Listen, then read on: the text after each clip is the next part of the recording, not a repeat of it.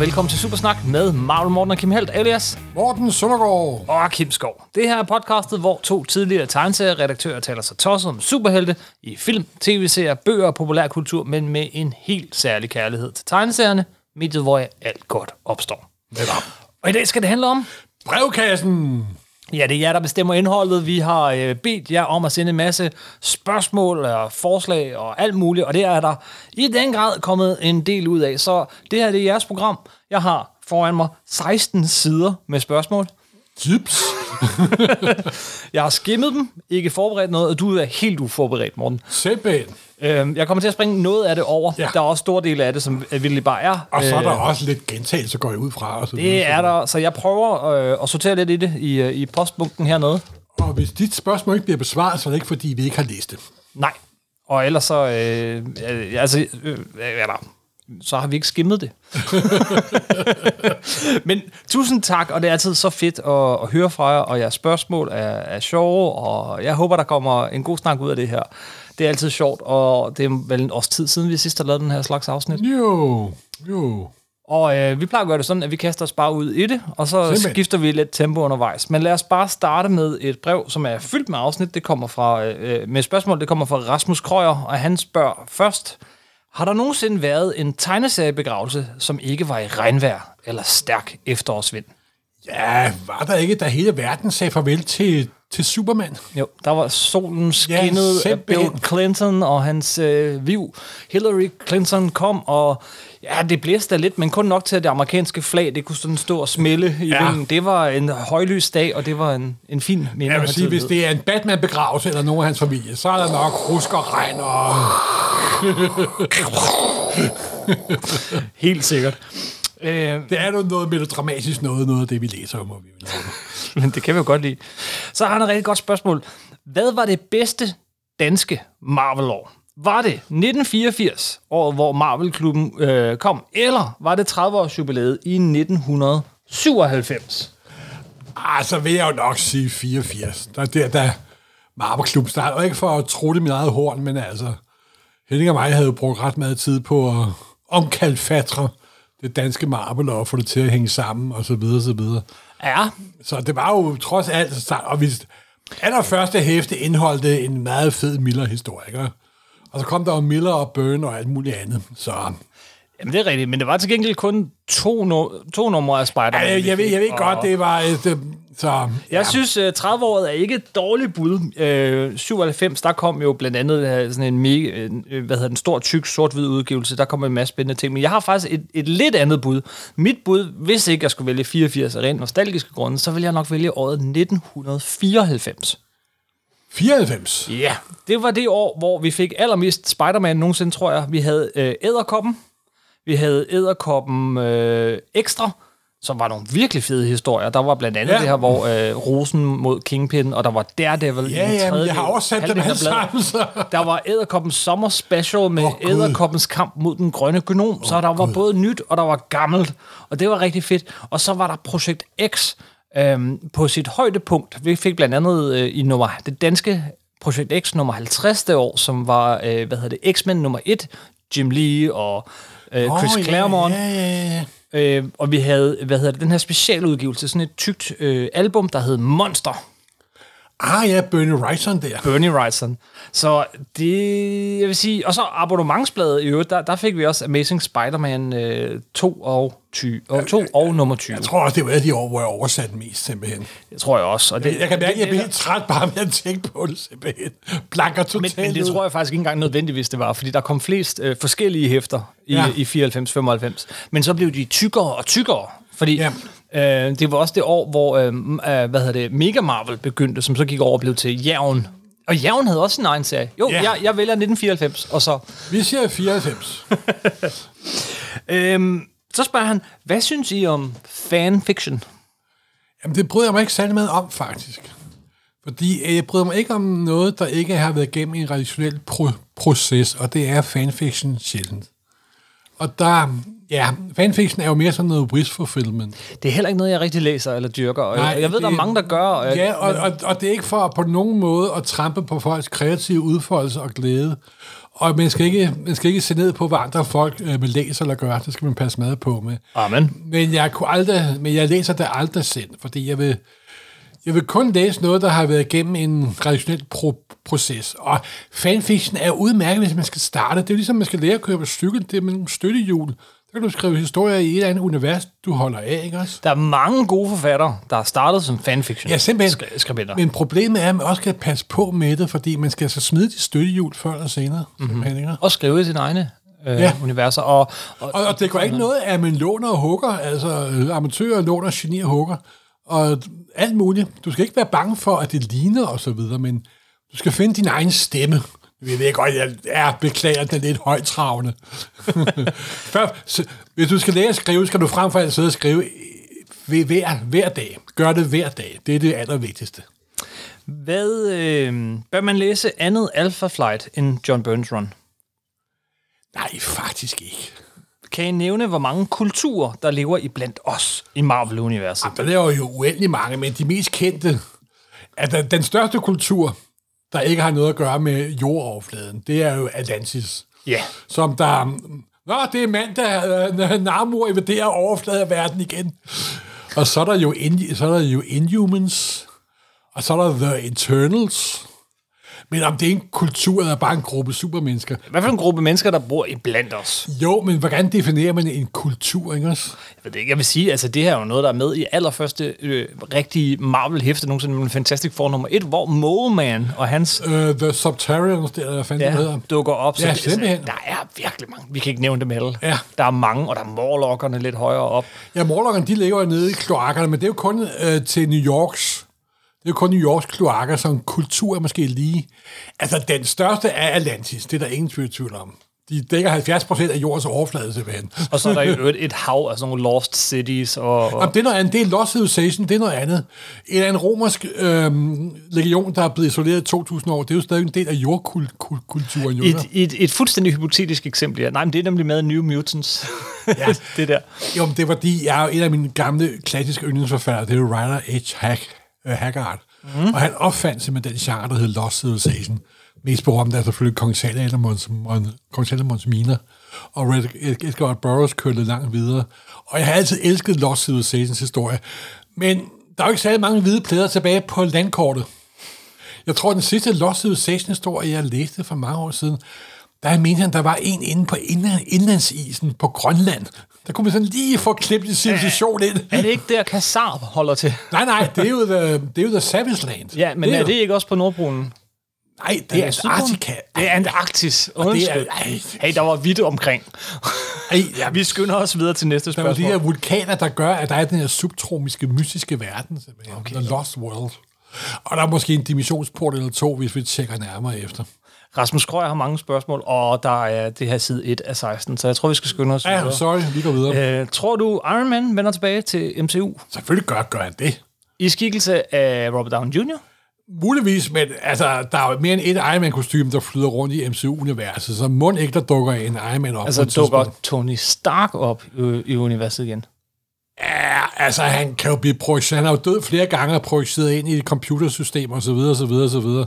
En anden version af Tony Stark dukker selvfølgelig op igen. Ja, selvfølgelig kommer Robert Downey Jr. tilbage. Han kan da ikke lade være. Altså. Tror du det? Ja, selvfølgelig gør han det.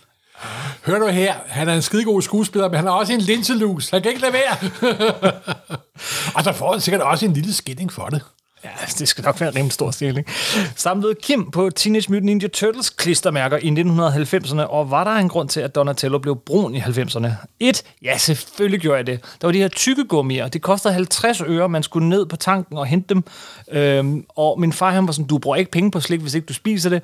Så jeg spiste, jeg ved ikke, hvor mange af de her fuldstændig smagløse jeg kan stadig det der, og, man, og de var stenhårde, så man tykkede og tykkede nej, og nej, tykkede. nej, nej, nej. Jamen, jeg er meget som vidtighedsfuldt menneske. Det- Eller gjorde, hvad far sagde.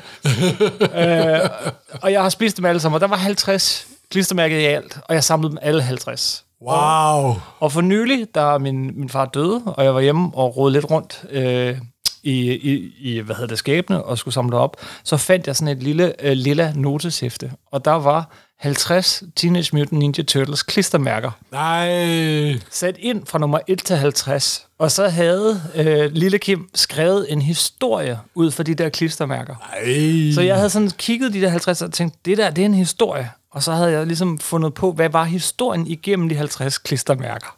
Det er jo perfekt, simpelthen. Så ja, det har jeg. Især tykkegummi klistermærkerne. og også de der panini klistermærker. Og også de næste 50 klistermærker, der kom i den der sag. Har, jeg har Men, aldrig været på ja. ja. samlekort og sådan noget. Det har jeg aldrig nogensinde. Simpelthen. Morten, det var Teenage Mutant Ninja Turtles.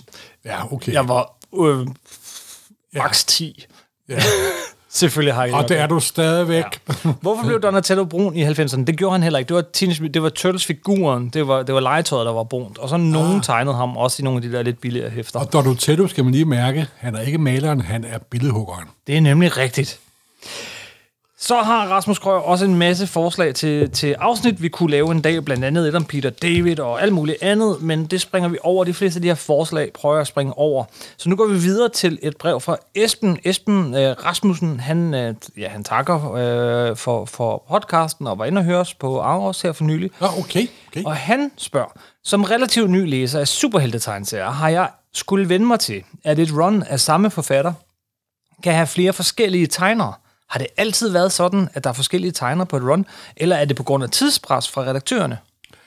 At det er faktisk i vores dage er det blevet mere stabilt med, at det er samme team, der får lov til at lave runnet færdigt. Mm-hmm. Kommer ned også om på, hvis du opfatter run som noget, der foregår i forskellige hæfter, så er det en sammenhængende historie, for eksempel nogen, der optræder fra fire forskellige hæfter, så er det selvfølgelig det team, der er diverse hæfter, der bliver sat sammen. Ja, han, hans næste spørgsmål siger også, at det irriterede ham øh, lidt, da han læste Bendis' run på Avengers. Ja, men, Nej, det er også det er 100 numre eller sådan noget. ja, og der er jo mange forskellige Avengers. Ja. The, New Avengers, og Almindelige Avengers, og Savage Avengers, og hvad det nu hedder, alle sammen. Men på sådan en 12-nummers miniserie, eller maxiserie, så, så er det mere normalt i dag, at det er samme tegner Det er forfatter til, end det var meget før. mere normalt i dag, at der, er det, de holder et stabilt hold. I gamle dage, der kunne det godt ske, at der lige pludselig kom et optryk ind i et run, eller de skiftede totalt tegner og forfatter. Det gør de ikke særlig meget mere. Gør de næsten meget sjældent nu. Nu om dagen, hvis de ikke kan nå det, så venter de to, tre, fire måneder. Ja, og de er blevet ret gode til i nogle af de der serier, der udkommer hele tiden. Øh, Spider-Man og øh, X-Men og så videre. Og så sige, okay, men så den her historie på 3, 4, 5 numre, der har vi en tegner. Øh, historien fortsætter, men nu er det en anden tegner i 3, 4, 5 numre og et nyt kapitel øh, på den måde. Jamen, de, det er simpelthen planlagt ordentligt. For eksempel den nye Spider-Man, der kører fra øjeblikket, kommer hver anden uge. Ja. Og der er hovedholdet, de er på bum, bum, bum, så kommer der nogle andre. Så, og, men det er planer, den historie skal, og så er også meget sjovt, de skifter lidt stilart og så videre, så det fun- fungerer vældig godt. Det er som regel samme forfatter.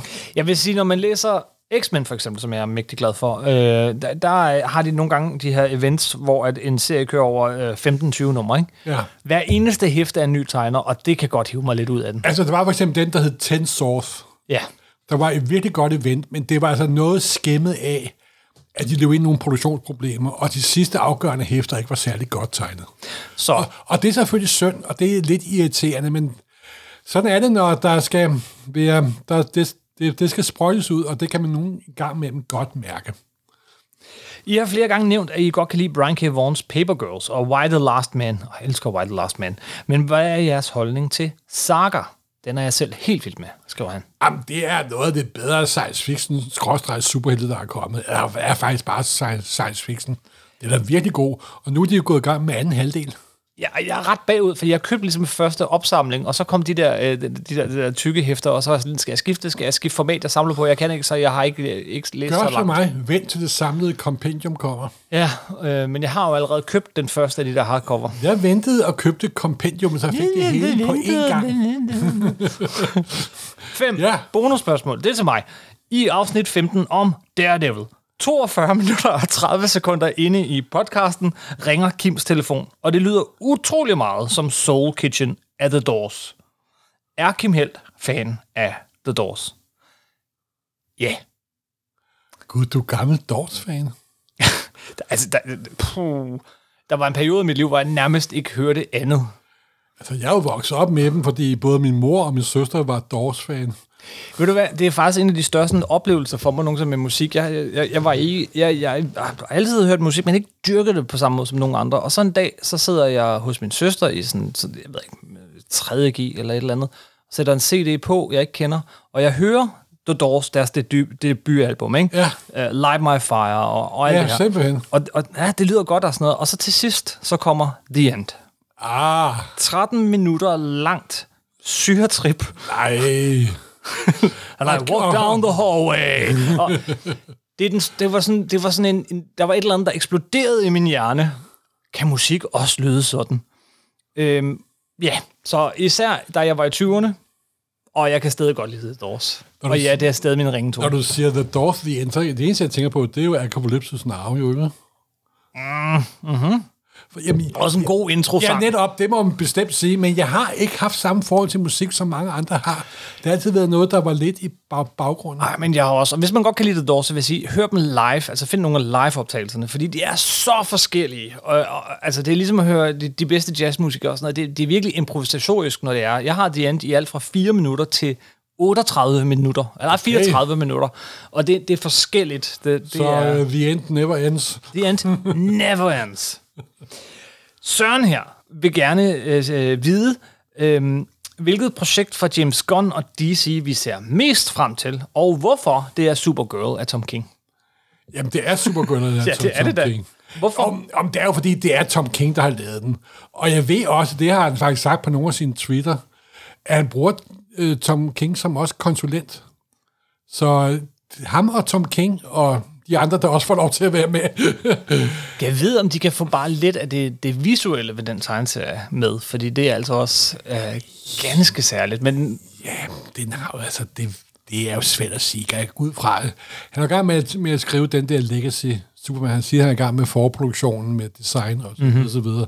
Nu skal han lige have afleveret Guar- Guardian, uh, Guardians of the Galaxy nummer, nummer 3. Men jeg har meget store forventninger til James Gunn. Han er en virkelig dygtig instruktør, men han er frem til også, han er god til at få fat på folk. Og han er åbenbart god til at samarbejde med folk. Ja? Mm-hmm. Og han virker meget imødekommende over for andre indtryk og andre idéer. Og hvis han kan blive sådan en slags heksekryde, hvor det hele bliver væltet sammen, så vi får et, et kreativt, sprullende DC-univers, i stedet for et gumpetungt med dum og dum er lidt mørkt og dumt. Ja, undskyld.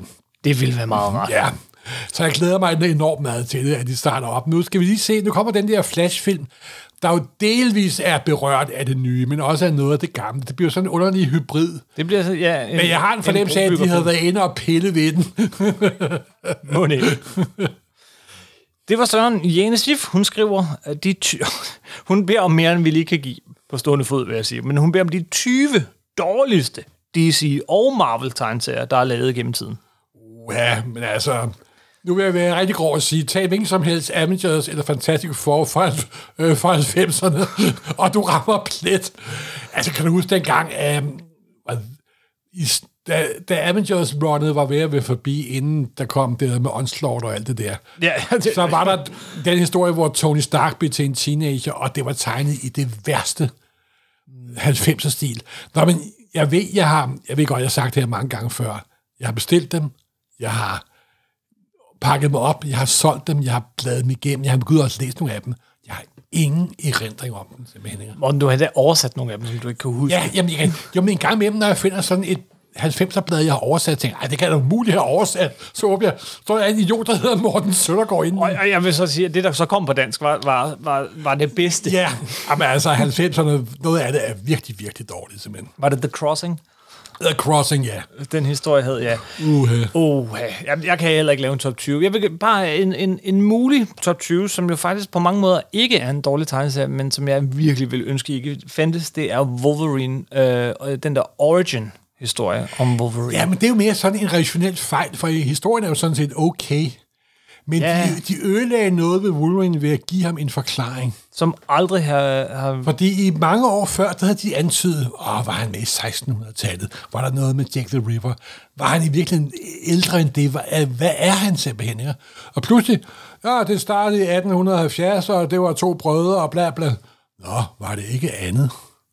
Nå, men altså, det var virkelig en af, jeg mener, at det er en af deres største redaktionelle fejltagelser, det er, de gav, øh, gav Wolverine en origin og en, og en baggrundshistorie.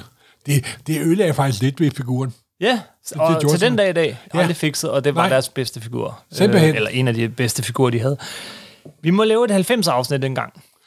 Vi har, ja, ja, ja, det må vi vel. Øh, tak til Jane. Nu er det Kasper Kås, der skriver. Han har øh, rigtig mange spørgsmål. Han starter med at sige, at han, han er glad for podcastet, og især øh, da han læste bladene, og det gør han stadigvæk, så starter han altid med Morten Sluderboks. Så det her, det er jo så lydudgaven af den. Ja, Hvis, øh, vi når altså ikke alle dine spørgsmål, øh, beklager Kasper, men øh, jeg, jeg plukker lidt. Hvis Supersnak skulle filmatiseres, hvilke skuespillere skulle så spille jer? Altså Robert Redford og så Al Pacino. Altså, det er jo fuldstændig... Er de ikke lidt oppe i alderen, Morten? Jamen, det er vi kraftedeme også. Ah, men det, det er alligevel... så kan du være Chris Evans. Uh, altså det er ikke helt realistisk. Nej, men alligevel, alligevel, det er essensen. Okay. Øh, Så kan jeg blive spillet af Anthony Hopkins. Ja. Eller Harrison Ford. og så står, der, Mindre det, kan ikke gøre det. Så står der noget, som er fuldstændig forkert. I, og især Morten, roser Dune af Frank Herbert til skyerne. Hvem roser Dune mest? Dig eller mig? Altså, jeg har jo læst den før dig. Åh, oh, der kom det der alderskort. simpelthen. Ja. Nej, det er en af de science fiction bøger, vi er mest nottet med. Vi synes, vi begge to, det er den bedste ever. Gør, gør vi ikke? Det er, en af, det er nok den bog, jeg har genlæst flest gange. Ja. Af alle sådan romaner, jeg har genlæst. Og det er de den. bøger, Og- der giver, bliver ved med at give, hver gang man læser den. Nemlig. Fuldstændig. Lidt ligesom Ringnes Herre. De to, altså det, det, det, hver gang du læser den, så får du noget nyt ud af den, eller du Simpelthen. tænker, at det kunne også tolkes sådan her. Øhm, han har skrevet, han har prøvet at læse den, men han opgav, det forstår jeg godt, man skal igennem de første 100 sider eller sådan noget, øh, hvis, hvis, hvis man ikke er sådan helt vant til genren der, og så er man fanget. Det, det vil jeg sige. Prøv igen og, og have tålmodighed de første 100 sider. Øh, men jeg er mere til science fiction af forfatteren Julian May, der skrev The Saga Jamen, of hun the er da også Exiles. fremragende, simpelthen. Plusedil i eksil. Hvad med et afsnit om andre science fiction forfattere?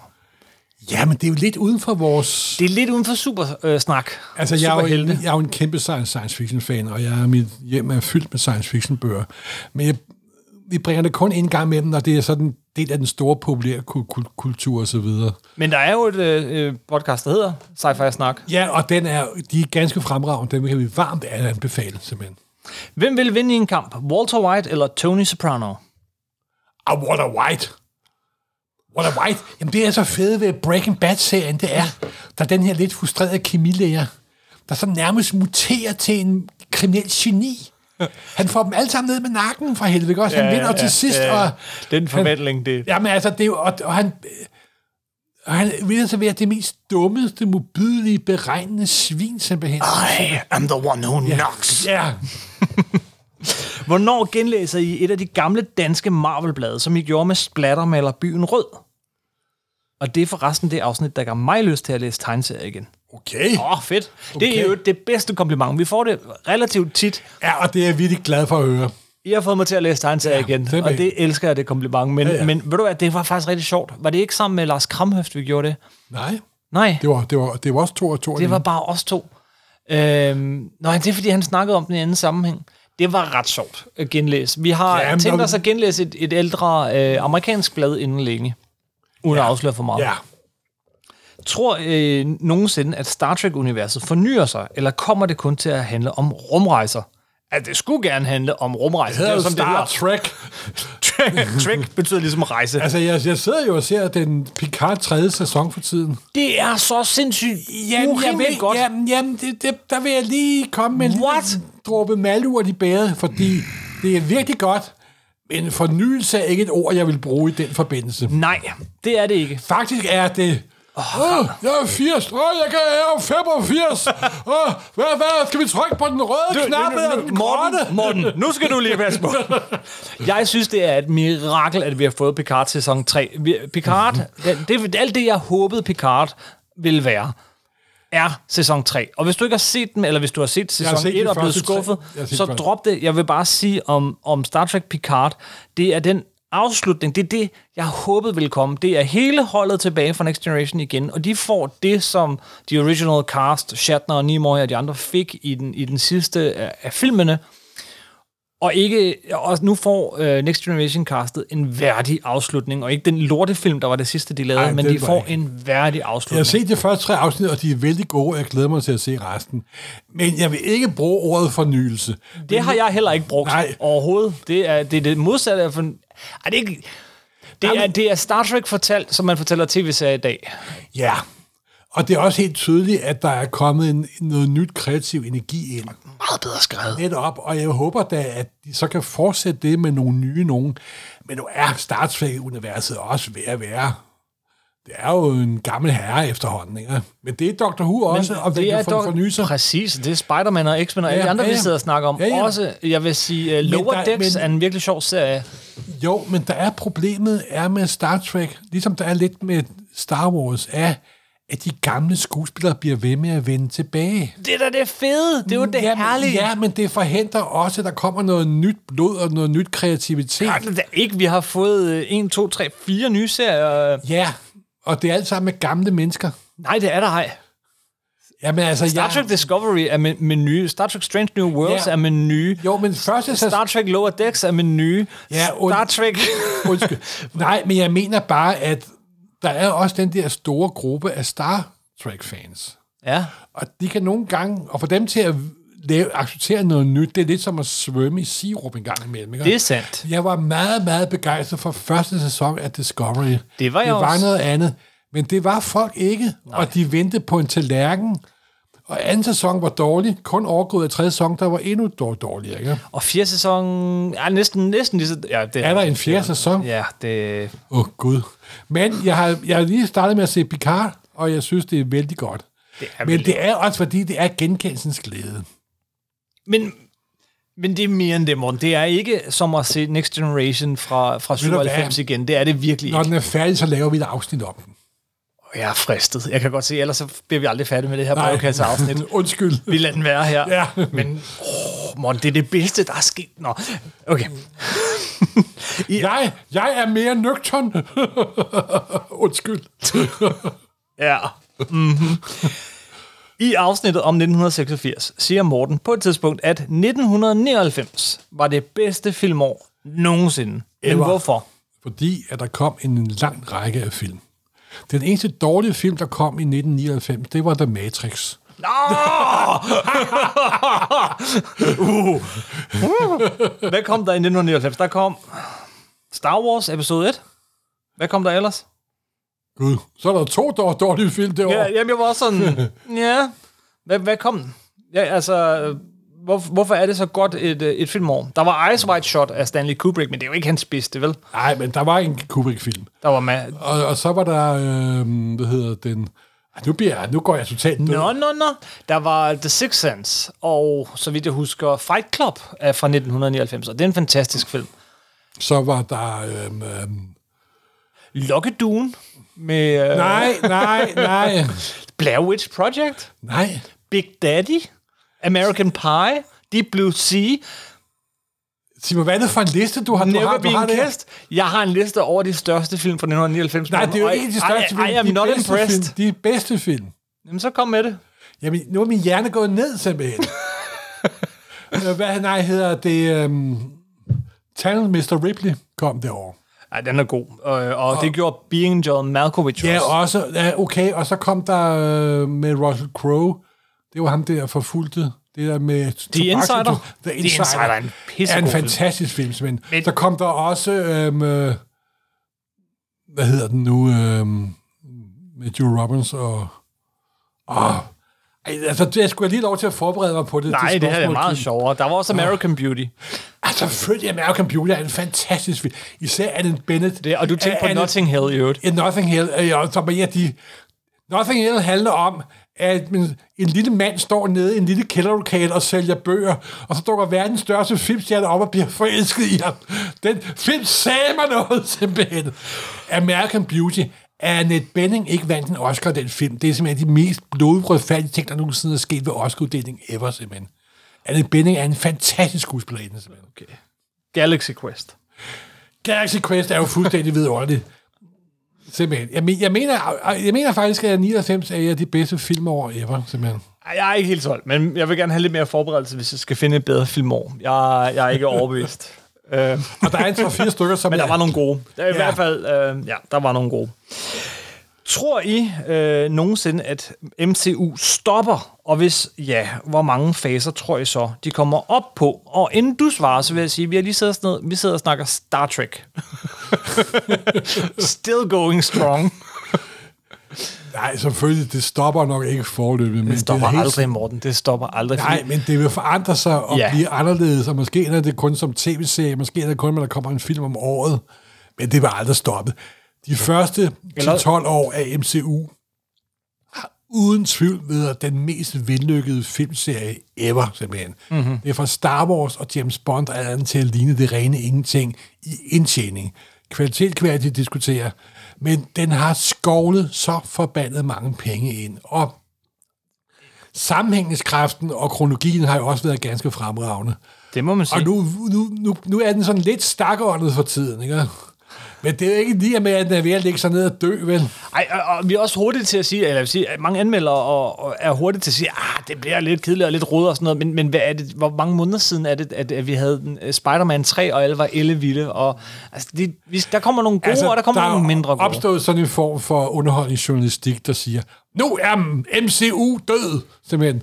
Det er sjovt. Hver gang der kommer en dårlig western, eller en dårlig krimi, eller en dårlig film om samspilsrendte familier, så hører man ikke, vil der aldrig komme en western mere, eller... Men der er et segment af dem, der anmelder film og skriver om film, som af en eller anden ordentlig grund har had er forkert ord at bruge, de har en vis modvilje mod superheltefilm. Når det er sagt, så har vi også været uh, lidt overdoseret. Uh, Ja, bestemt, der er kommet. corona. Jamen, det er jo og- det. Der, øh, når noget tjener penge, så er Hollywood er jo frem for alt en kopi for, ja. for fabrikken. Mere, mere, mere. Det har det altid været. Ved I hvad? Så lige om lidt, så får vi DC. Og når, når, hvor der, når først det hele er sådan, at nu, nu gider folk ikke mere, og folk går ikke i biografen eller noget som helst, så får vi DC versus Marvel. Nu har Mario Bros. lige scoret kæmpe film her for øjeblikket. Ja, kan jeg vide, hvor mange Mario-film vi får nu? Nu kommer der jo computerspillefilm vælten ind over. Yep. Yep. Også? Yep. Sådan er det. Hollywood kan producere flotte film, men nogle gange mangler det lidt med originaliteten. Der er et par flere filmagtige spørgsmål her. Vi tager dem lige ganske hurtigt. I en eventuel X-Men-film fra øh, sat i MCU, hvem kunne I så godt tænke jer spillede Wolverine? Jo, men en helt ny, ukendt en. Ja, jeg vil helst have Hugh Jackman. Nej, Jo, ham får synes, du jo i uh, med Deadpool 3, jo, ikke også? Det er da også en MCU-film. Ja, bestemt. Men altså, der er det der med at kaste. Når man skal kaste, så tænker vi kun på ting, vi kender. Ja. Men den gode caster og Flynn, der har jo castet MCU, Mhm. mm-hmm. plus alle hendes medarbejdere, hun, altså, at hun ikke har fået 30 Oscar for at kaste, det fatter jeg ikke. Fordi hun kan nemlig se talent, hvor andre ikke kan se talent. At kunne sidde og se de gamle, fantastiske forfilm, og se ham, der spiller Johnny Storm, det er den nye Captain America. Det kræver altså mere end, sit fadervor. Det gør det altså. Hvad er jeres yndlings tidsrejsefilm? Altså, tilbage til fremtiden er Ja, min selvfølgelig. yndlings Ja, men selve tidsrejselogikken i den er totalt tåbelig. Fuldstændig, men jeg elsker den film. Ja, men det er jo fordi, at det er Hollywood, og det fungerer, og Zemeckis, de tre film der, det er nærmest noget af det ultimative Det er perfekt. Hollywood-underholdning. Det er simpelthen perfekt. Det er simpelthen. Hollywood, det, jamen, det er popcorn, det er halvanden times film, det er en trilogi, det er skuespil, det, er- Ja. det er morsomt, det, det er god musik, det er et fedt soundtrack, det er en sammenhængende historie, der går på tværs, den var den første til alt muligt. Den er morsom, indsigtsfuld, overraskende. Ja, og, Det den, er og, noget af en perfekt trilogi. Og, og- de har aldrig lavet nummer 4. og den kan ses det den dag i dag. Fuldstændig. Og Zemeckis har jo nok brugt mere end en time på, hvad fanden får jeg fat i det, jeg havde dengang. Fordi der er mange af hans senere film, der ikke havde været specielt gode, må man sige. Ja. Og så fik han jo det der underlige flip med, at han skulle lave Altså- computeranimerede mennesker. Ja. Altså, jeg, altså Forrest Gump. Men, Jamen, det var også udmærket, men det er jo også stadig for den periode, men de sidste ja. par år, der er det virkelig meget, meget underligt, synes jeg. ja. Var Kan du selv- huske, kan du selv- huske The Polar Express? Ja, han har fået et. Ja, kan du huske Beowulf? Gud, Bu Beowulf. Beowulf. Ja. Ikke Beowulf, Beowulf. Ja, ja, eller og den foregår, en, den foregår en dag i med Jylland. Nemlig. Andre gode tidsrejsefilm, eller... Ja, der er en hav, der er Avengers Endgame. For at nævne en. Det er Jo. ikke en god tidsrejsefilm. Jamen, der er tidsrejse jo mere en plot device. Ja. Jeg synes også, uh, La Chute og uh, 12 Hvis du skal Monkeys. læse tidsrejse, så er der tre bøger, du skal læse. Og, det var meget Robert. Silverberg, Up the Line. Så skal du læse den novelle af, af Heinlein, der hedder All Your Zombies og By His Bootstrap. De tre historier omfatter alt, hvad der er godt ved tidsrejse, og det vil blow your mind. Offset. Hvis Morten kunne stille et spørgsmål til Rob Liefeld, hvad vil han så spørge om? Hvornår lærer du at tegne? Tak skal du have, Kasper K. Vi hopper videre øh, til øh, Sten Shapiro, men han har nærmest kun forslag til ting, han synes, vi skal snakke om. Så det tror jeg, jeg hopper øh, lidt af elefant henover. Til gengæld, så skal vi nok gemme dine forslag, Sten. Og så hopper vi over til Alexander, som skriver, hvad er jeres ønsker til Superman Legacy? Altså filmen fra det kommende DC-filmunivers. At, at James gør, hvad han selv synes, og det bliver en god film. Og han kaster en ung, ukendt skuespiller som Superman. En ung, ukendt skuespiller. Ung, ukendt skuespiller. Ja, ung og ung. Øh, ja, så det kan blive ved i mange år. Så det kan blive den film, man vil have. Det er Legacy. Det er den unge Superman, der skal finde sin plads i verden. Hvad, hvad tone, ja, hvad tone, tænker du? En ung Superman, der skal finde sin plads i, i verden. Nå, men altså, det han har antydet, og det er kun antydninger, det er, at vi får en historie, der handler om rejsen fra Smallville til Metropolis. Det tror jeg lidt, det bliver. Tror du det? Ja, det tror jeg faktisk. Jeg vil jo gerne have en All-Star Superman-agtig fort- fortælling. Nej, en, men en det, sidste det, jamen, Superman. Men den kan vi også få... Superman Der, er den kun kan, sjov, når du har hele din Superman-mytologi i baghovedet. og det var nemlig det, jeg skulle til at sige. Men den kan vi også få om 10 år. Ja, simpelthen. Ikke? Med samme skuespiller helst. Jeg kunne forestille mig, at Legacy starter med, at forældrene dør. Simpelthen. Ikke? Vi får se, men jeg glæder mig til en, en god Superman-film, hvor han også nogle gange får lov at smile. Simpelthen. Bare lidt. Om det, han, han har sagt, at det er kindness er en af de hoved... Kindness. Ja. Ja. Det, er det, det er det ord, man skal skrive over. Eller verisimilitude. wow. Jeg har lyttet, han skriver jo, at han har lyttet øh, tre gange til hver eneste afsnit. Åh, åh. Det, det er vi meget bedre af, og en, og en, smule, og en smule bekymret. Og vil gerne have nogle flere Superman-afsnit. Jamen, det har jeg faktisk også pla- planlagt, fordi uh, Superman er og bliver den største og den første. Hvem er ham der, Booster Gold? Ja, han er jo en øh, kustode ude for fremtiden, der arbejder på sådan et superheltemuseum, og hvor der var teknologi. Rejser han tilbage til vores tid. Ligesom hvis du tog din mobiltelefon eller noget andet moderne teknologi og dukkede op i 1400-tallet, så var du en magiker, hvis du altså kunne få netværket til at virke. Men altså, han kom med noget fremtidig øh, med teknologi, og så dukker op i DC-universet i vores dage og leger superhelt. Han er så senere gået ind og blevet en masse andre ting.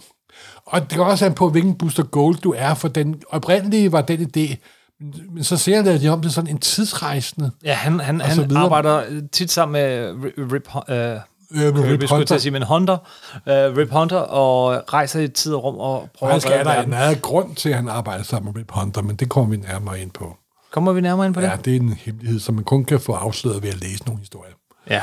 Jeg kan også anbefale den, der hedder 52, miniserien, hvor han har en Ja. fremtrædende rolle, og så de hæfter, der følger med. Øh, Men han lige været en for den. figur, som der lidt har, han har forandret sig en, en del gennem årene. Jeg holder meget af ham, og det er også, fordi ja. jeg elsker tidsrejsehistorier. Ja, simpelthen, simpelthen.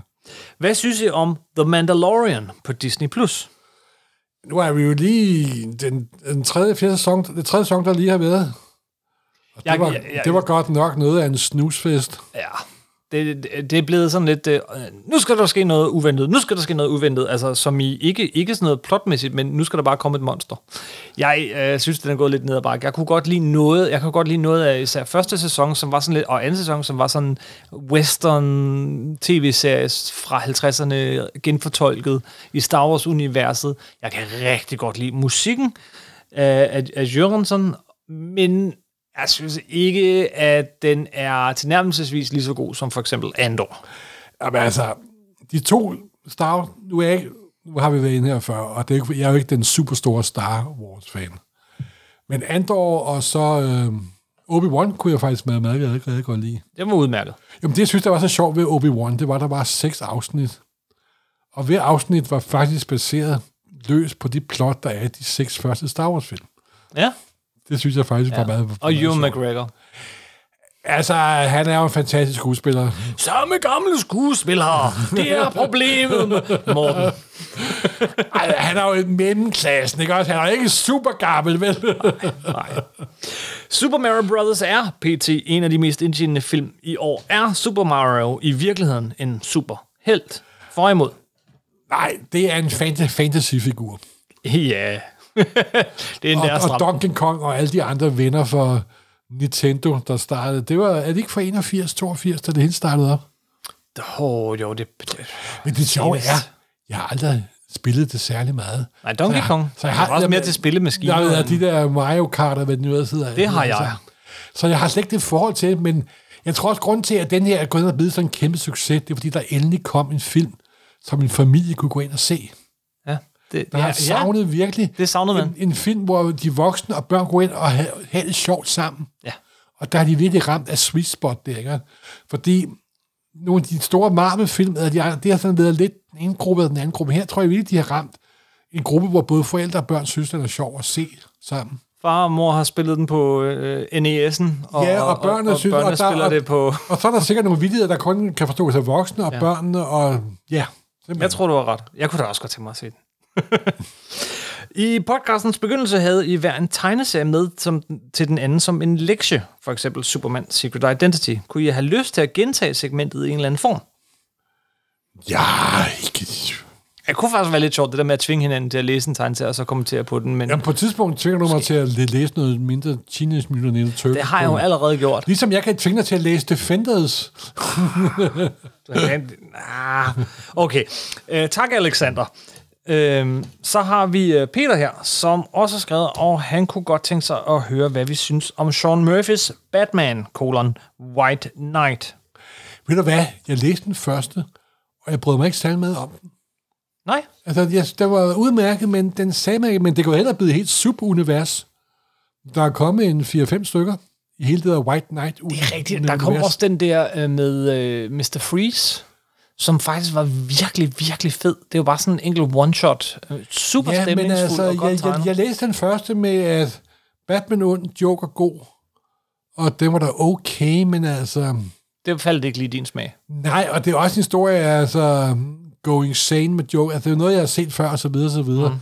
Men det er jo altid en meget benyttet ting, hvis du sådan vender øh, den virkelige verden på hovedet, simpelthen.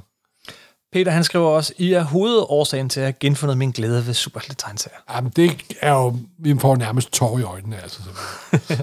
Michael Raki José González, håber jeg, jeg udtaler rigtigt, skriver, hvad er efter i uh, hver jeres respektive mening den mest mislykkede tegneseriefilmatisering til dato? Ah, der er jo Race to the Bottom, men... Det er der godt nok. altså, Catwoman er jo... Du siger Catwoman. Jeg ved ikke, altså... Det er i hvert fald et. Det er i hvert fald en af dem. Jeg kan, ikke- Det er Race to the Bottom. Skal, og hvad angår tv-serier, så Inhumans tv-serien. uh, det var skidt, mor. Det var skidt. Jamen, jamen, det er Men der, der er mange også, hvad dårlige. forstår man ved en mislykket en? En fra 70 og 80'erne, de har jo sådan en vis kitsch-værdi, ikke? Ja. Men det er mere der, hvor de tror, at de har lavet en god film, og så er det bare super dårligt. Hvis det er kriteriet, så et, så tror jeg ikke Catwoman tæller. Ja, måske gør den. Men øh, så tror jeg, at jeg vil sige, på plads nummer et, så er det The Spirit af Frank Miller. Ja, det var, det var et godt valg. Den er godt nok. Jamen, den er ikke bare dårlig. Den er misforstået. den er misforstået, og det er tænk- derfor. tænk- Øh, den, jamen, den, den er bare det modsatte af, hvad den burde Og det er være. også det, og Miller er jo, han burde jo vide, hvad, hvad Will Eisner står for. He should know better. Jamen, hvad der, altså, der gang kommer en, fil, en bog om, hvordan den film er blevet skabt. Ja, øh, det, Men jeg det, tror også, det er fra den periode, hvor Miller var allerlængst nede. Simpelthen. Ja, desværre. Øh, jeg vil så sige, League of Extraordinary Gentlemen kommer også rimelig tæt ind på pladsen. Det er ikke, fordi det er en elendig Nå, actionfilm, jo, men ved du hvad? men den er Den- også misforstået. Jo, men den er bare ligegyldig, ikke? Ja. Batman og Robin fra 1997 vil jeg stadig udråbe. Jamen altså, der er jo ikke fordi, der mangler på kandidater, vel? Nej, nej. Men, jeg kunne godt Altså, grundlæggende mere er det før 2008. Men jeg vil faktisk også sige, at nogle gange kan det skifte. Første gang, jeg så V for Vendetta i biografen, så synes jeg, at det var en helt fuldstændig elendig film. Øh, og, Jamen, så den genså har jeg visse interessante ting over sig. og så gentog jeg den et stykke Ja. tid efter, hvor jeg ikke lige havde læst tegneserien lige inden Ja. da. Og den kan faktisk godt noget. Ja, men den, den har også noget, og der er nogle virkelig gode skud. Potman er jo... Pot, øh, Han vil jo også vide, hvem der vil spille Marvel Morten og Kim Helt i Supersnak The Movie. Jeg tror, vi har det- prøvet. Vi havde ikke noget godt nej, svar. Nej, det... Hvilken øh, rolle er efter jeres mening fuld... Øh, hvilken historie er efter jeres mening fuldkommen ul, ufilmatiserbar? Der vil jeg jo være lidt fræk at sige Dune-bøgerne. I mine øjne er det 70-80 procent indre, øh, indre dialog, og lige med hvilken flot farve, farveladeagtig øh, forklædning du giver Kunne, kunne du ikke lide Dune-filmen, den nye? Nej, det, kunne jeg, det, var, det var ikke... Det var ikke Ja, altså, så længe man godt må... Altså, man skal jo ikke filmatisere en til en, så bliver det ligesom Watchmen-filmen. Det, Ja. det er ikke en god filmatisering. En god filmatisering øh, fortolker og, og ændrer Ja. til mediets præmisser, og der vil jeg sige, Netop. Dune kan man godt... Jeg vil faktisk nok sige, at, at, at, at intet er Nej, det, ufilmatiserbart, selvfølgelig er det heller ikke. men Hvis ikke, ikke alt behøver at blive filmatiseret. Nej, det er, nok, det er nok mere det, jeg mener. Det, jo, men der er, har altid været, og er det meget stadigvæk, og, altså om, at hvis du laver et kulturprodukt, så er den største, der kan ske, det er det, det bliver filmatiseret simpelthen. Ikke? Mm. Og det er sådan, åh, det kommer et teaterstykke, der kommer en tegneserieudgave, der kommer en videospil, men så kommer filmen, og så er det det vigtigste. Og det er nogle gange det mest ligegyldige af det alt sammen, simpelthen. Ikke? Så, Det er så sandt. ja. Øh. Han vil også gerne vide, hvilken af vores øh, oversættelser, I har været gladest for. Oversættelser. Altså nu vil jeg sige, jeg kan godt starte, men så har du tid til at tænke, fordi jeg har ikke oversat særlig meget. Øh, Det er meget få ting, og jeg vil også sige, jeg var ikke, jeg var ikke klar nok til at gøre det. Jeg ærger mig lidt over de oversættelser, jeg har lavet af, af tegneserier. Hvis der er en oversættelse, jeg faktisk er rigtig, rigtig glad for, så er det den børnebog, der hedder Mis med dinosaurfjes, efter Jim Lawson, Ah. som jeg har læst mange gange for mine børn, og har mødt andre også, der har læst for deres børn. Den er jeg virkelig glad for, men der var jeg, der var jeg noget ældre. Jeg Det er tror, Batman og Planetary, og hvad jeg ellers har oversat. Oh, jeg vil gerne have været lidt, øh, lidt... Jeg var ikke klar. Jeg tror, en af dem, jeg også kan ikke huske, men øh, Magnetos hævn var jeg faktisk ret glad, glad Hæft, hvor jeg elskede det hæfte, Morten. Jamen, det, det, var jeg faktisk ret glad, Ja. glad for, faktisk. det Men må jeg sige. oversættelsen, ja. Ja. Altså, du, du har jo også oversat øh, den, der hed Kejlekongens fald. Nå, ja, gud fri og vel, ja. Det var også en god oversættelse. Nå, det okay, var Frank ja. Miller. Men det er altså nærmest umuligt at bedømme sig selv på den måde. Det tror jeg også. Men det- Han spørger bare, hvad du var gladest for. Jamen, altså gladest for, så har det været Magnetos hævn. Hvilken nyere tegneserie vil I, gerne, vil I ønske, I havde, eller kunne, altså det på tankespænd, vil I gerne have oversat eller redigeret? Nyere dansk, øh, nyere tegneserie vil du gerne have oversat til dansk? Ja, jamen, og når Human Target engang bliver oversat til dansk, det ville være fedt. Ja, det er et godt bud. Altså ja. faktisk alt, hvad, alt, hvad den man... Øh, øh, jeg ved godt, at vores podcast består mest af Tom King har lavet, og så laver Tom King noget nyt, og Tom King har lavet noget. Hvis jeg skal svare noget andet, så vil jeg sige, Immortal Hulk kunne jeg godt tænke mig at oversætte til dansk. Det kunne være sjovt. Jamen, den er jo kommet. Ja, ja, men det var ikke mig, der oversatte. Nej. og, så vil jeg, og, og så tror jeg, det andet, jeg vil nævne, det vil være øh, Jonathan Hickmans X-Men. ja, Og det er nok vist fordi jeg ikke tror, der er andre, der kan.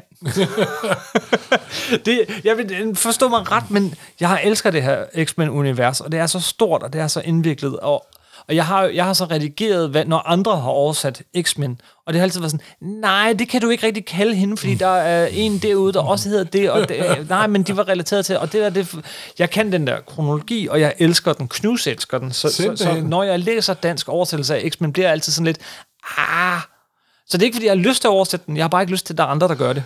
Jamen, altså Hoxpox, House of X og Power Det gad jeg godt oversætte. Jamen, det er, den er kom, kompleks størrelse. Jeg siger ikke, at jeg vil gøre det godt, men, Ah, det tror du nok, du vil. men det vil være sjovt at have gjort.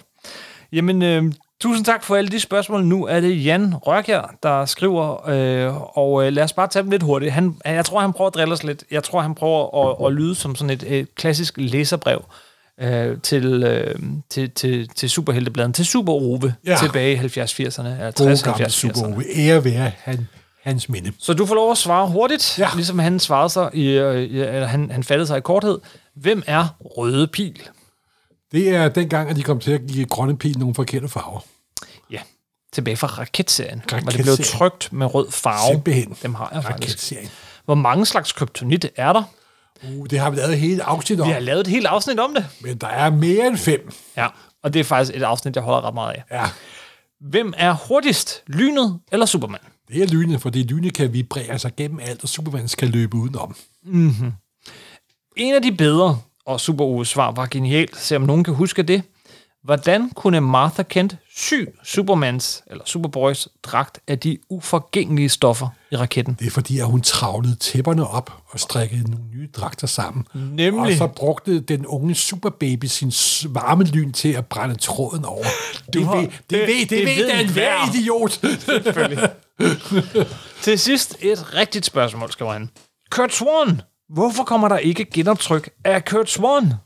Men det gør der faktisk også, fordi i disse dage er det blevet meddelt fra DC's øverste ledelse, ja, London. ja, ja.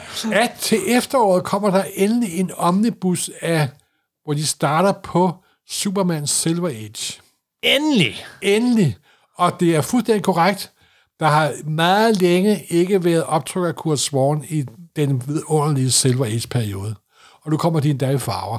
Der var for nogle år siden, hvor de lavede de der store sort klumper, hvor Ja. der kom en stor del, og jeg har dem alle sammen. Ja, jeg vil også jeg, gerne have det i lidt billigere udgaver end lige Omnibus, fordi se mig væk mange Omnibus, jeg skal samle. Ja, men sådan er det. Omnibus eller not to bus. Ah. Øhm, hvorfor kan Morten ikke lide Ross Andrew? Åh, fordi han kom lige efter Dylan Kane og John Robinson. Ja, det er også lidt svært at følge efter, ikke? Og, men altså, dem, der vokser op med ham, de elsker mad. Og jeg vil lige sige en ting, ligesom med Don, Don Heck og nogle andre. Man kan måske ikke sige, men de har deres egen unikke stil. De ligner ikke nogen andre. Og det er altid en kvalitet, som man skal holde fast i. Ja. Jamen tak til Jan. Jeg kan se, at Michael han er tilbage i tråden her. Han vil også gerne vide, hvem vores favorit Batman live-action Batman er. Ja, I og med, at den eneste, jeg kunne holde ud og se, det var den seneste, så... Jeg kunne faktisk... Jeg ved ikke, om Batflick var helt galt, men altså... Øh, Det er, det er, for, det er fordi, du er så rummelig. Adam West. Så, så, så, så.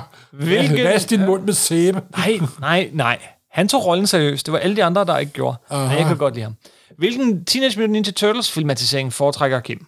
Etteren, The Movie. Så absolut. Hvad synes Absolut. du om den nye trailer til den nye animerede? Kæft, det ser godt ud. Det ser ud, som om de har set uh, Into the Spider-Verse. Ja, det må man sige. Den ser sjov ud. Det er Seth Green. Vi trænger til det efter det der overdimensionerede pis- pislort, som kom fra øh, hvad hedder han, Michael Bay. Det ser godt ud. Jamen, han er også en instruktør, der kun arbejder i subtil. Ja, han er så subtil, og så præcis, og så nøjeregnende. Se, og toeren, som var instrueret, toeren, som var med de samme figurer, det samme, men instrueret af en anden, var noget sjovere. Øh, men, men, ah, til gengæld har der jo altså været... Ved du hvad? Jeg stop mig her. Jeg kan blive ved meget længe. Vi laver Turtles-afsnit. Ja. når den film kommer. Simpelthen. Øh, må, øh, hvilke af de danske navne, vil Michael gerne vide. Morten, hvilket af de danske navne, du er ophavsmand til, er du mest tilfreds med? Ej, det er jo nok krybet og så splatter. Det er, ja. det, er det jo nok. Det er svært. Øh, at slå. De, de, de, de, de, ret. det var de korter, de, ser godt ud på logo og så videre, så videre. Jeg prøvede jo, dengang vi startede i 84, der satte Henning og mig jo ned, og Henning var skide god med, med, med Projekt X, det var virkelig godt navn, og mm. min gode ven Bøje. Og Alliancen. Fandt, Alliancen, det var min gode ven Bøje, der fandt på det. Så var vi jo også lidt uheldige med, ah, lad os kalde det Howling Commandos for Ulvekorpet. Ulvekorpset. Og Nick Fury, han bliver til piraten, fordi han har en klap for øjet. Det, det, den havde ingen gang på jorden, simpelthen. Og I lavede også lidt om. Der var, der var øh, kolossen, som blev til panser. Så. Jamen, det var en, øh, det var en fejltagelse, så, der er så berettet. Men krybet og splatter, de er svært. Ja, ja, det er jo nok dem, der vil, der vil eksistere længe. Øh, han vil også gerne vide, hvad er Black Hammer, og hvorfor er det så godt? Det er jo fordi, at... Han er kommet til at købe en omnibus, skriver han, uden at vide, hvad han kigger ind til. Ah! Jamen, Jeff Lemire, der er jo meget lavere independent comics.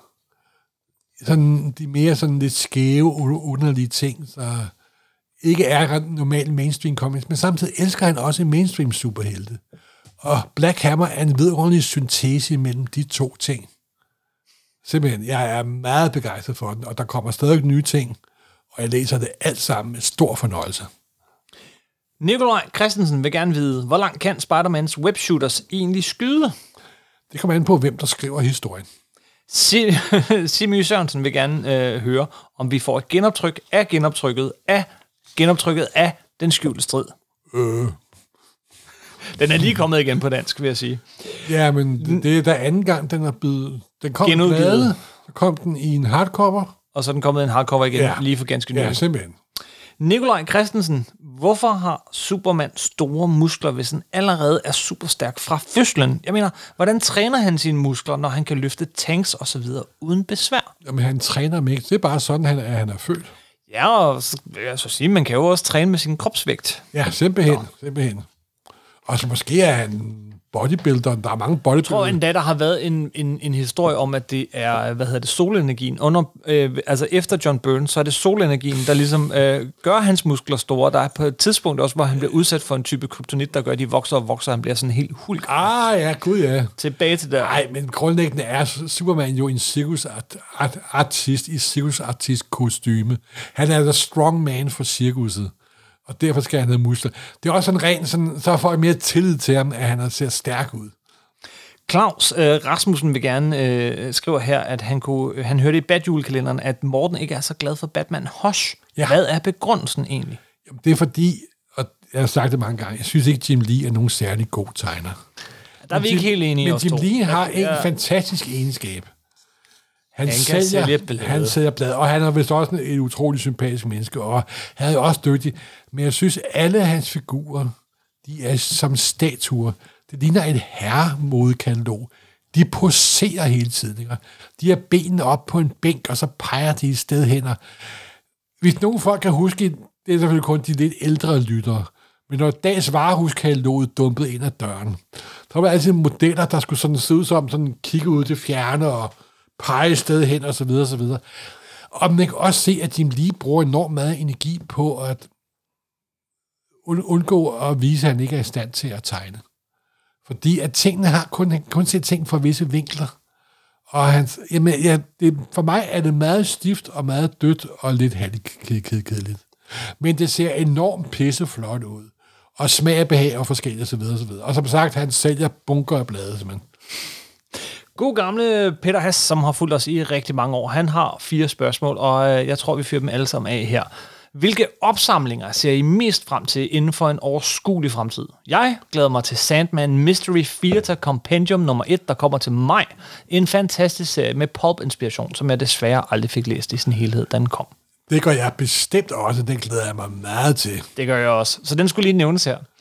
To, nu er det afsløret, at Frank Grillo, at Frank Grillo skal spille med i Creature Commandos. Det er altså den tegnefilmserie, yeah. som starter hele det nye DC-univers under James øh, Gunn. hvis Og James Gunn har sagt, at dem, der lægger stemme til, også vil dukke op i live-versioner. Nemlig.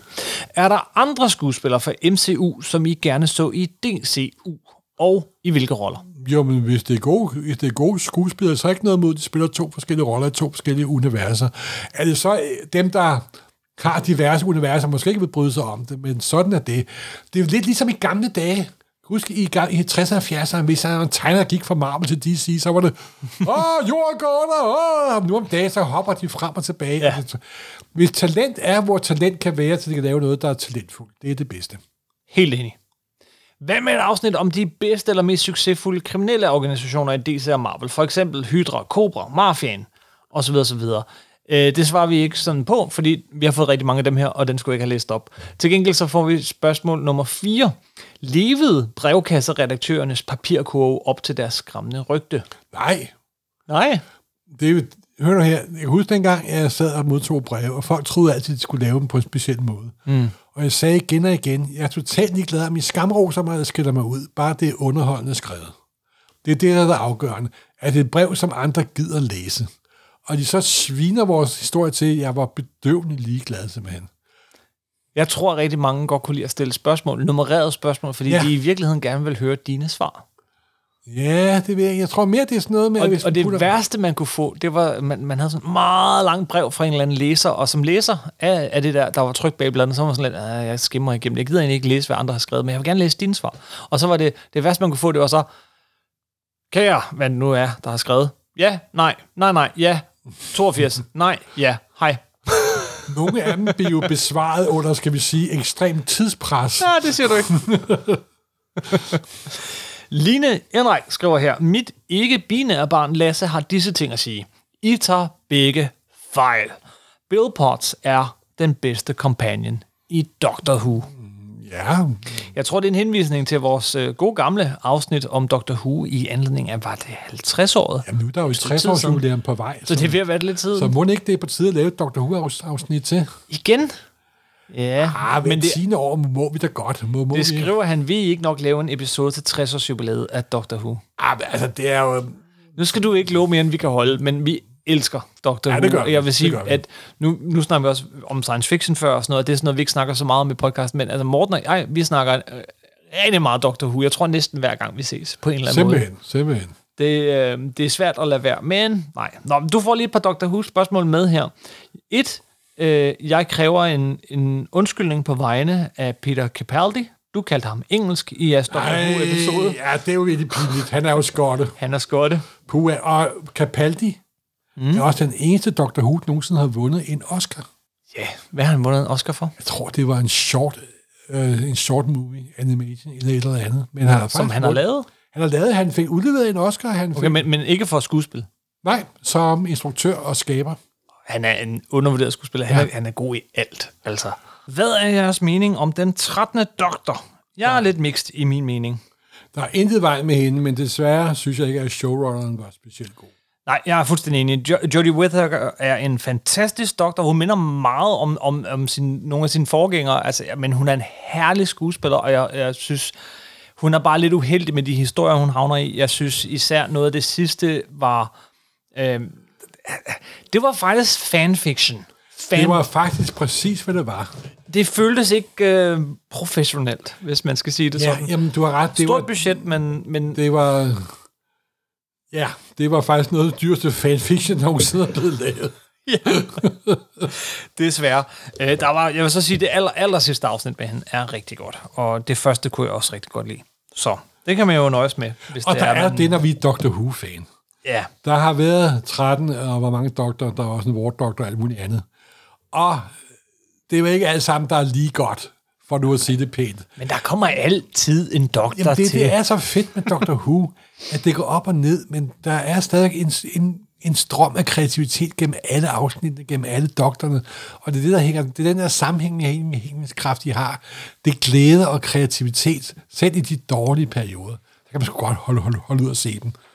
Ja, det er fuldstændig rigtigt. Jamen, tak for, uh, tak for spørgsmålet, Lasse. Spørgsmålet lønne. Christoffer Arntorff vil gerne høre, hvad er jeres bedste oplevelse med en tegneserie, tegner eller forfatter face to face? Ej, jeg må indrømme, da jeg mødte øh, Will Eisner, Ja, det er stort. Han kom ned i butikken, og, og det var faktisk ikke for forbindelse med en signering noget som helst. Han var ude i baglokalet, og der var lige kommet i hardcover øh, Contract with God, der fik ham til at lave en personlig dedikation i, og han var vældig sød og stod og snakkede, og han sagde, Nå gud, er der nogen, der gider at købe min bog? Jamen, så må jeg jo hellere skrive i den. Og, Ja. og så det der med, at det var virkelig... Og han er jo en af de aller, aller største, simpelthen. Det er må man absolut sige. Det var da fantastisk fyldte 15. Ja, jamen, det var, det var der omkring, men han var nu i Danmark flere gange. Jeg kan faktisk ikke huske, om hvilken en af gangene det var. Ja, der var jo også, hvad hedder det, maleriet, hvad hedder det, gavlmaleriet ja, ude på Christianshavn. simpelthen, simpelthen. Så jeg ved ikke, jeg kan Ja, han var flink. Ja, men han var virkelig sympatisk. Simpelthen. Og man kunne også godt mærke, at han synes, at det var fedt, at der var folk, som der var glade for det, han lavede, og der vidste, hvad han... Øh, altså, han mærkede noget respons, når han kom til Danmark, simpelthen. Ja. Jeg, vil så sige, jeg, jeg, jeg har mødt nogle stykker efterhånden. Vi har også nævnt flere af dem her i podcasten. Øh, George Perez og Neil Adams og, og så videre, så videre. Karl Barks har jeg mødt. Og det Ja, Karl Barks har, har jeg også mødt, men han var sådan lidt gammel mand, og det var lidt på, på, Nemlig, på, og på det var afstand og så videre. Men, men den hyggeligste, venligste, øh, sjoveste, mest, øh, altså sådan en, der fik dig til at slappe allermest af, og bare havde lyst til at drikke en øl sammen med, jeg har, har været sammen med, det var øh, Char- Charlie Adlert. Ah, The Walking Dead Man. Tegneren på The Walking Dead. Så laid back, så sjov, ligesom altid et smil på læben, som om han, han, han, var, han, der var en eller anden vittighed, et eller andet, kun han havde fattet. Og hold kæft, han var herlig. Øhm, har du haft nogle sådan rigtig dårlige, værste oplevelser Ja, med det har jeg, men der vil jeg ikke putte, putte, putte, putte navn på. Det vil, eller, jo, det kan jeg godt, men det var ikke, det var ikke fordi der var noget galt med det, men øh, jeg skulle mødes med Dante Dio i London til et interview, og jeg tror, jeg mødte ham 10 gange på den der tur, og han blev ved med at sige sådan, undskyld, undskyld, undskyld, lige om lidt, men nu skal jeg lige det her, nu skal jeg lige det her, nu skal jeg lige det her, og han blev ved med at rende rundt, og hver gang han tog mig, så fik han sådan helt store paniske øjne, og, og, så, så jeg fik aldrig det der interview, og jeg var egentlig også lidt ligeglad, jeg havde interviewet alt muligt derovre, men, men, øh, men, men øh, ja, så det var ikke fordi, der Du var har galt med stresset den Dandeliv. arme mand, har du. Det har jeg, det har jeg. Så har jeg også prøvet det. Jeg kan huske en gang, der var en fransk tegneserietegner nede i Fantask, der skulle genere. Og han brugte mere tid på at skændes med sin daværende kone og sin agent. Det var meget underholdende, men specielt. Og, og så også en anden positiv ting. Argones var jo gang nede i Fantask. Sergio Aragon. Simpelthen, og han var jo fuldstændig vidunderlig, altså ja. også. Jamen, altså, der var lige en stor mexikansk gavtyv med sit overskæg, og han var simpelthen så sprudlende og liv, og der var så meget gang i ham simpelthen. Åh, oh, det er godt. Jamen, det var Eisner skråstreg Argones, det har nok været det bedste. Godt. Lad os rykke os videre, og jeg begynder altså at hoppe nogle af de her spørgsmål over, fordi der er ja. Ja. virkelig mange, og det har jeg allerede snakket over en time. Jeg vil sige, der er Har vi snakket to, over en time? Der er Au. to, der spørger, om ikke øh, der kunne komme et afsnit om Kurt Swan, og jeg vil sige, at jeg får lyst Åh, til det gør jeg. Jamen, Nu har du lovet endnu et afsnit. Nej, men ved du hvad, jeg har jeg tænkt på det. Jeg har- vi har tænkt, snakket om det Vi laver et afsnit om alle de gamle su- Superman-tegnere. Kurt Swan, Wayne Borning uh. og øh, Al, Pas- Al Plastino. Men har vi ikke lidt gjort det? Nej, vi laver et for de tre, vi be- behandlede, og hvordan de, deres liv var, hvordan de blev behandlet Ja, af ja, DC, ja. og hvordan deres legacy er blevet behandlet. Du forbereder. Ja, det bliver de tre supermænd. Nikolaj vil gerne vide, øh, øh, hvorfor der ikke er lavet nogen sitcoms, der foregår på Daily Bugle eller Daily Planet. Det er jo oplagt, men der var faktisk en serie, der minder lidt om det. Der er en hed, serie, der var, der var et forsøg på at lave en sitcom, der foregik i DC-universet. den hed Powerless. Pa- Powerless. Den var ikke helt dårlig. Jo, men jeg tror, det gik op for dem, at øh, den mindede som hvilken som helst anden workplace-sitcom, hvad der jo er utrolig mange af. Ja. Og, og nogle gange lykkes det, og, nogle, og de fleste gange lykkes det ikke. Men konkurrencen inden for sitcom-branchen, det er for alle andre brancher til at ligne det rent barnemad, simpelthen. Det er, det er øh, benhårdt at få en sitcom kørt op, men hvis det så også lykkes, Big Bang Theory, Friends, How I Met Your Mother, så er du set for life. Set for life, money for life. Øhm, Christoffer Amtorff vender tilbage til Supersnak nummer 145, cirka 8 minutter inden. Hvad, sig mig, hvad har vi nu sagt? Ja, spørgsmålet blev i det afsnit ret afvisende besvaret med, det er mere flot, end det var godt. Og, øh, og Kim øh, sagde Morten, og Kim sagde små, korte øh, historier. Spørgsmålet var, hvad synes I om bladet Heavy Metal? Ja, det var meget kort for hovedet, må jeg nok indrømme. Og så kommer den her. Jeg forstår godt, hvad I mener. Men hvis man virkelig går igennem en stak af ældre heavy metal numre, er begge udsagn ikke helt korrekt. Der er jo Möbius blandt andet, og det kan man jo ikke sige noget, noget ondt om Af de længere historier i heavy metal gik blandt andet. De fleste af Richard Corbins største værker. Jo, men de havde været andre steder før, ja, mange af dem. Linda og Valentin. De har jo været på fransk først. Sterango. Den var dårlig. Outland. Det den Outland. Ja. Den synes jeg var decideret dårlig, simpelthen. Den hermetiske garage af Möbius. Det, kan jo, det er jo et mesterværk inden for tegneseriekunsten, så det kan man ikke gøre noget ved. Indkalen af Möbius. Ja, men der var forfatteren, det var pisse flot tegnet, men Jaborowski er, synes jeg, har hul i hovedet. Indkalen er fantastisk. Han har hullet, men den Indkalen er et ubestrideligt mesterværk. Nej, det, det er den altså Ej, ikke. Morten, det er den rent visuelle. Det er Ren ikke. Ja, men det er da også historien. Den starter, og han hopper Jeg ned, har aldrig ned. haft den næsegros beundring for den, som så mange Den andre er da har. fantastisk. Nej, fordi jeg insisterer også på, at det skal hænge sammen, og det skal fungere. Og det er bare... Det er fordi, I var så unge, da I læste den første gang. I var den på virkelig alder. Undskyld. Nej, det er altså ikke rigtigt. Nej, men Möbius Giro er en af de mest gudsbenåede tegner, tegneseriemedier nogensinde har haft ære af at blive, at blive skabt. Altså simpelthen, han er fuldstændig fantastisk. ja, ikke Men mindst. nogle gange, så var han bedre til at tegne, end var til at lave historier. Ja, ja, men, men hans tegninger alene var nok til at, at løfte en Hans historie tegninger er fuldstændig geniale. Der er intet, han har en så sikker streg. Simpelthen. Indkalen er da en, klassiker. Nej, det er ikke. Det er en gang forvirret rod. Okay, alle, der synes, at Ildkalen er noget forvirret råd, skriv til Morten. Det er, Undskyld. øh, øh, han nævner Texarkana af John Findlay øh, og øh, Ranxerox. Øh, Jamen, den prøvede jeg mig heller ikke særlig Nej, meget det, det gør jeg så faktisk heller ikke. Og jeg, han nævner, okay, det er faktisk en meget lang liste. Men, men det er der det var selvfølgelig en grov afvisning af heavy metal. Milo Manara Og jeg tænkte, at Milo Manara har jeg bryder mig heller ikke særlig meget om, faktisk. Jamen, så var det måske ikke så godt. Men, men der var, jeg tænkte jo også mere på starten af heavy metal, de første år og to. Ja. Der tog de også enormt meget af det franske for Martin Hulang. Mm-hmm. Og det var selvfølgelig fuldstændig fantastisk mad af det. ikke? Men de senere på år, der synes jeg godt nok, at det var, det var mere bling, end det var indhold. Og nu igen en en kort afvisning af noget, som jeg ikke har læst i mange, mange, mange, mange år. Godt. Så vi, vi siger undskyld for vores horske snovski holdning Apropos hovski snovski, Åh, åh. så skriver god gamle Bo Sørensen Ah. meget hovski snovski, fordi jeg ved nemlig, at han selv har den. Hvorfor har Morten ikke Yellow Claw? Ah, det er fordi, det lykkedes Bo at anskaffe sig den der optryk af Vi mødtes med Bo, da vi var i Aarhus for nylig, og, i øh, forbindelse med Aros der. og der viste, viste han jo faktisk en, en, en tegneserie, som er virkelig, virkelig svær at få fat i, og det er endda et genoptryk. Det er Masterwork-udgaven af, hvor den ene er Black Knight, og den anden halvdel er Yellow Claw. Yellow Claw. Og hvad er Yellow Claw? Ja, det er jo den der Kirby-tegnede, delvis Kirby-tegnede, Joe Mendelin var også med. Sådan en femnummers serie, der handlede om en kinesisk agent og en Fu Manchu-lignende figur og så videre, så videre, så videre. Ja. Og det er sådan rigtig for, for 50'erne antikommunistisk og um, anti-alt muligt andet. og- dybt racistisk Og småracistisk. billede. Og det passer for øvrigt ikke, at jeg ikke har den, fordi jeg har dem i de, da de blev overs, de sendt i seriemagasinet. Du har den danske Jeg udgave. har den i sort-hvid i seriemagasinet. De var faktisk også en overgang bag noget, noget, noget, noget kung fu-blad øh, Jo, men de lå også oprindeligt på appen. i Masters, Master Ja. of Kung Fu, ja. Nej, de lå også re- rene på appen. Gjorde de det? Numre. Men de er taget af. De er taget af. Men, og de har også været optrykket Master of Kung Fu, og den er meget sjov. Og Jimmy Woo, en af de nye figurer i MCU-universet, han stammer jo oprindeligt fra første nummer af Yellow Claw. Vores gode ven Mark, der er vores grafiske chef, mm. han har tre Yellow Claw-blade.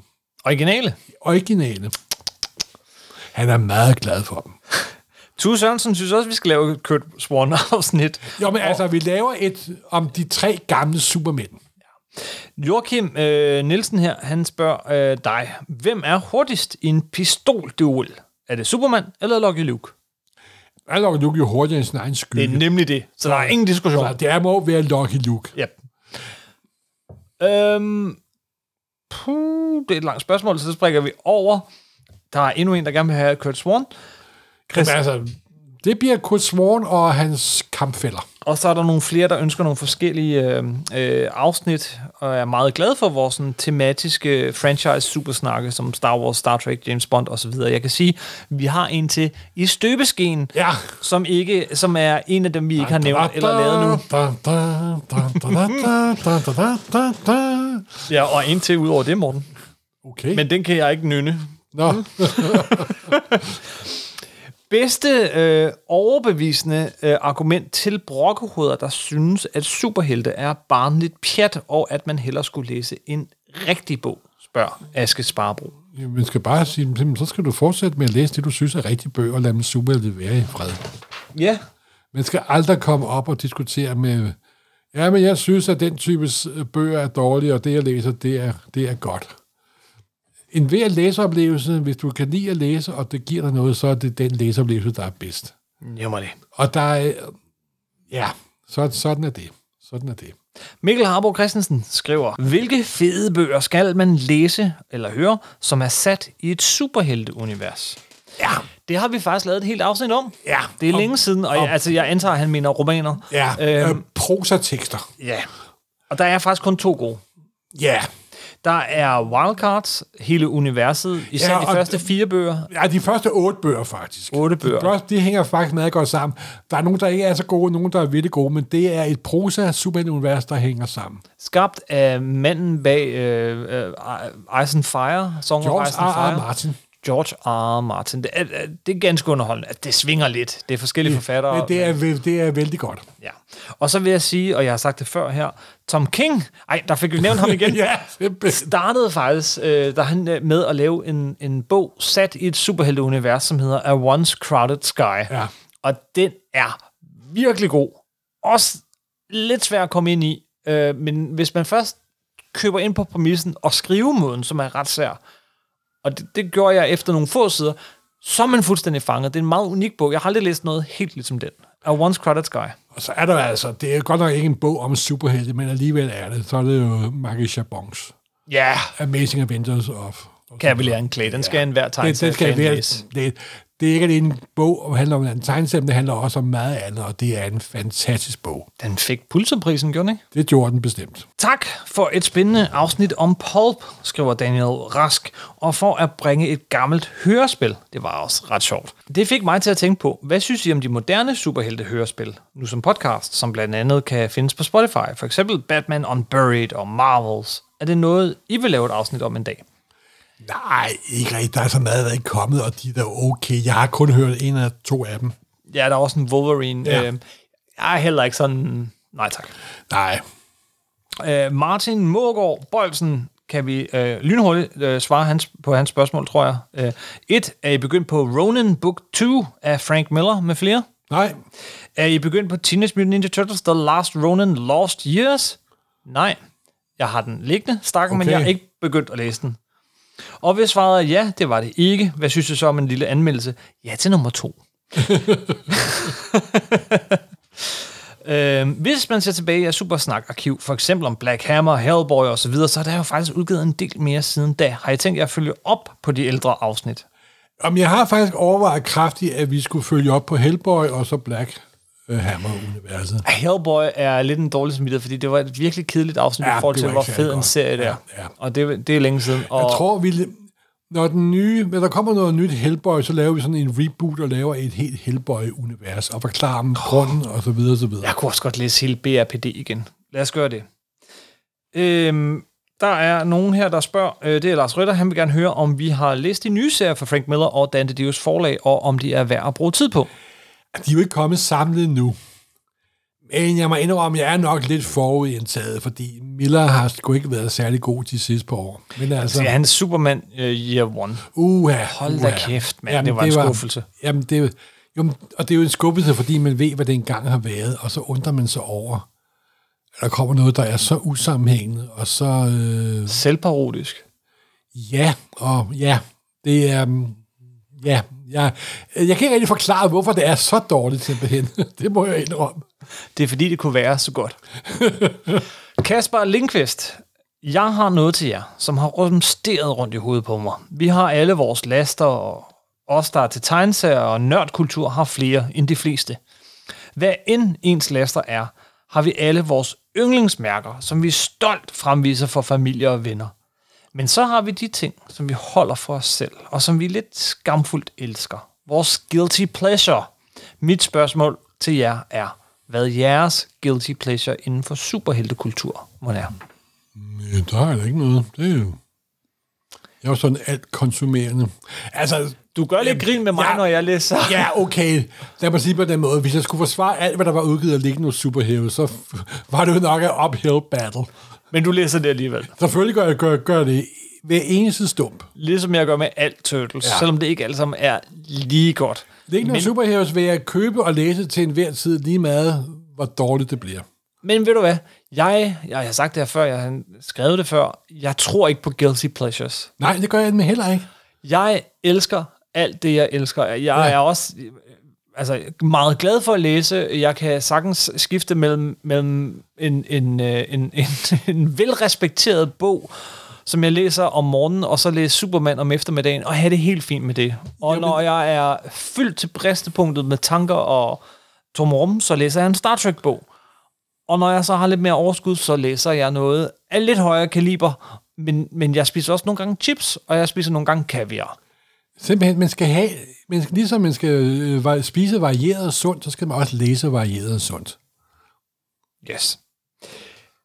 Øh, Robert Fransen øh, vil, øh, har også lavet sådan et, et klassisk brev, og jeg mistænker det lidt for at være et, han faktisk engang rent faktisk har sendt til Super Ove. Okay. Han skriver, Hvem løber hurtigst, Lynet eller Superman? Det har vi svaret på. Er det rigtigt, at Superman versus Spider-Man 2 er udkommet på dansk? Derfor jeg har selv oversat den. Og kan jeg købe et eksemplar, hvis jeg sender beløbet i frimærker sammen med en frankeret svarkuvert? Nej, Hvor mange medlemmer har der været af de fantastiske fire, og hvem er jeres yndlingsmedlem? altså mit yndlingsmedlem, det er jo Ben Grimm. Ej, Reed Richards. Ja, men ikke min yndlingsmedlem. Min yndlingsmedlem var Ben Grimm. Reed Richards. Men de, der er jo de fire, men så har været... Medusa har været medlem, uh, Crystal har været medlem, Luke Cage har været medlem, She-Hulk har været med der. ja, Go Ghost Rider har været medlem, uh, Wolverine har været medlem. Spider-Man har været Medlem. Medlem, Ja, der er jo det der med... han, men der er jo oprindeligt kun... Og Wayne Wingford har været medlem, og så videre. Og, men der er jo kun... Det er jo derfor, det er de fantastiske fire. De er jo ikke fantastiske fire og en halv, vel? det er rigtigt. Og det er fantastisk fire er jo heller ikke en gruppe, ligesom Avengers og Defenders og alle de andre. Det er en familie. Det er Og det er det vigtigste ved Fantastiske Fire, det er en familie. Og de har også fået et par børn jo. Martin Mågaard Bolsen spørger, om ikke vi kan, han kan få et kort resume eller hovedpunkterne for vores Euro-oplæg på Aros i lørdags. Jamen, de har vel tænkt sig at, at lægge det ud, så man kan høre det, når man kommer forbi. Og det var for øvrigt en vældig sjov udstilling, og det var et fantastisk museum, og vi blev virkelig taget virkelig pænt imod. Det må jeg sige, og det var vældig sjovt. Og så dissekerede vi jo den, den der collage og sagde, hvor alt sammen kom fra, og, Det var ret sjovt. og det var faktisk det var ret sjov sjovt. oplevelse. Og det var også været sjovt, han var en popkunstner, der også har gået i mange andre retninger. Men der var også et andet billede på udstillingen, der var rent købig. Det er faktisk det første, man møder. Men møder, der kender fra 1940 til han sluttede med de sidste numre af Captain America. Ja, det er meget sjovt at, at gå på sådan en Finn Holger opdagelse for sådan nogen som Ja, os. Og simpelthen, mange simpelthen. Og sige, uh, der har der, jeg, jeg kan sige, se om I kan finde en Frank Miller. Det tror jeg godt, I kan. Jeg kunne kun finde en. Ja. Ej, men det var meget sjovt. Øh, Men, men som lyd, jeg ved det ikke. Det er lidt svært at lave en, en, en gennemgang af et stort billede som lyd. Ja, men de, de sagde, at de ville prøve at lægge lyden op. De Ja, men på museet, sådan så Ja. når du står, Ja, de ja. har sådan en, Ja, ja. en hvad hedder det. Nå, så hvis man ja, besøger. Ja. Aros... Øh, Så kan de og høre, så kan du høre os Ja. til evig tid. Nej, og så var jeg ret imponeret over, at det var en lørdag formiddag og eftermiddag, og der var proppet med mennesker. Ja. Det skulle da rart at se et museum, som der kan hive Der var folk det er ind. nogen, der havde betalt for at komme og høre os. Ja. Og tusind tak til alle jer, der dukkede op. Og hvor Det var det sige. fedt. Ja, og det, det var virkelig sjovt, altså. det var virkelig, virkelig sjovt. Så det var en positiv oplevelse. Ja. Bjørn Rolstad, han skriver, fedt at jeg er tilbage med fast frekvens. Jeg brugte jeres lidt længere tid mellem udgivelse sidste år på at få genhørt jeres bagkatalog til stor fornøjelse. Øh, når nu spørgsmål til Hulk versus Superman er forbudte, og jeg skal lige parentes bemærke, dem har jeg slettet fire af indtil videre, Selvfølgelig. vil jeg gerne høre, hvem der vil vinde i et slagsmål. Marvel Morten eller Kim Helt? Ja, det er jo Marbe Morten, selvfølgelig. Nej, det er i hvert fald ikke. Jeg er begyndt at gå til styrketræning, vil jeg lige på påpege. Hvem har to børn og en cykeltur? Ja, okay, det er selvfølgelig bedre end styrketræning. Det kan jeg godt, godt se på det. Det her det er den dummeste diskussion, vi nogensinde har haft. Skal vi skynde os videre? det er ikke den dummeste, men den er tæt på. Jeg har aldrig fået læst så meget Superman. Hvad kan I anbefale ud over All Star Superman? Ja, så er der jo Secret Identity.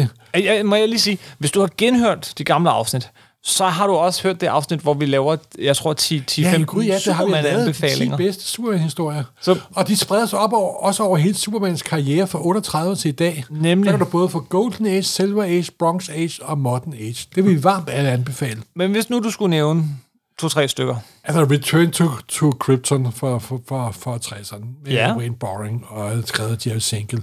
Så er der Kryptonite No More Ja. med Daniel O'Neill og Murphy Anderson.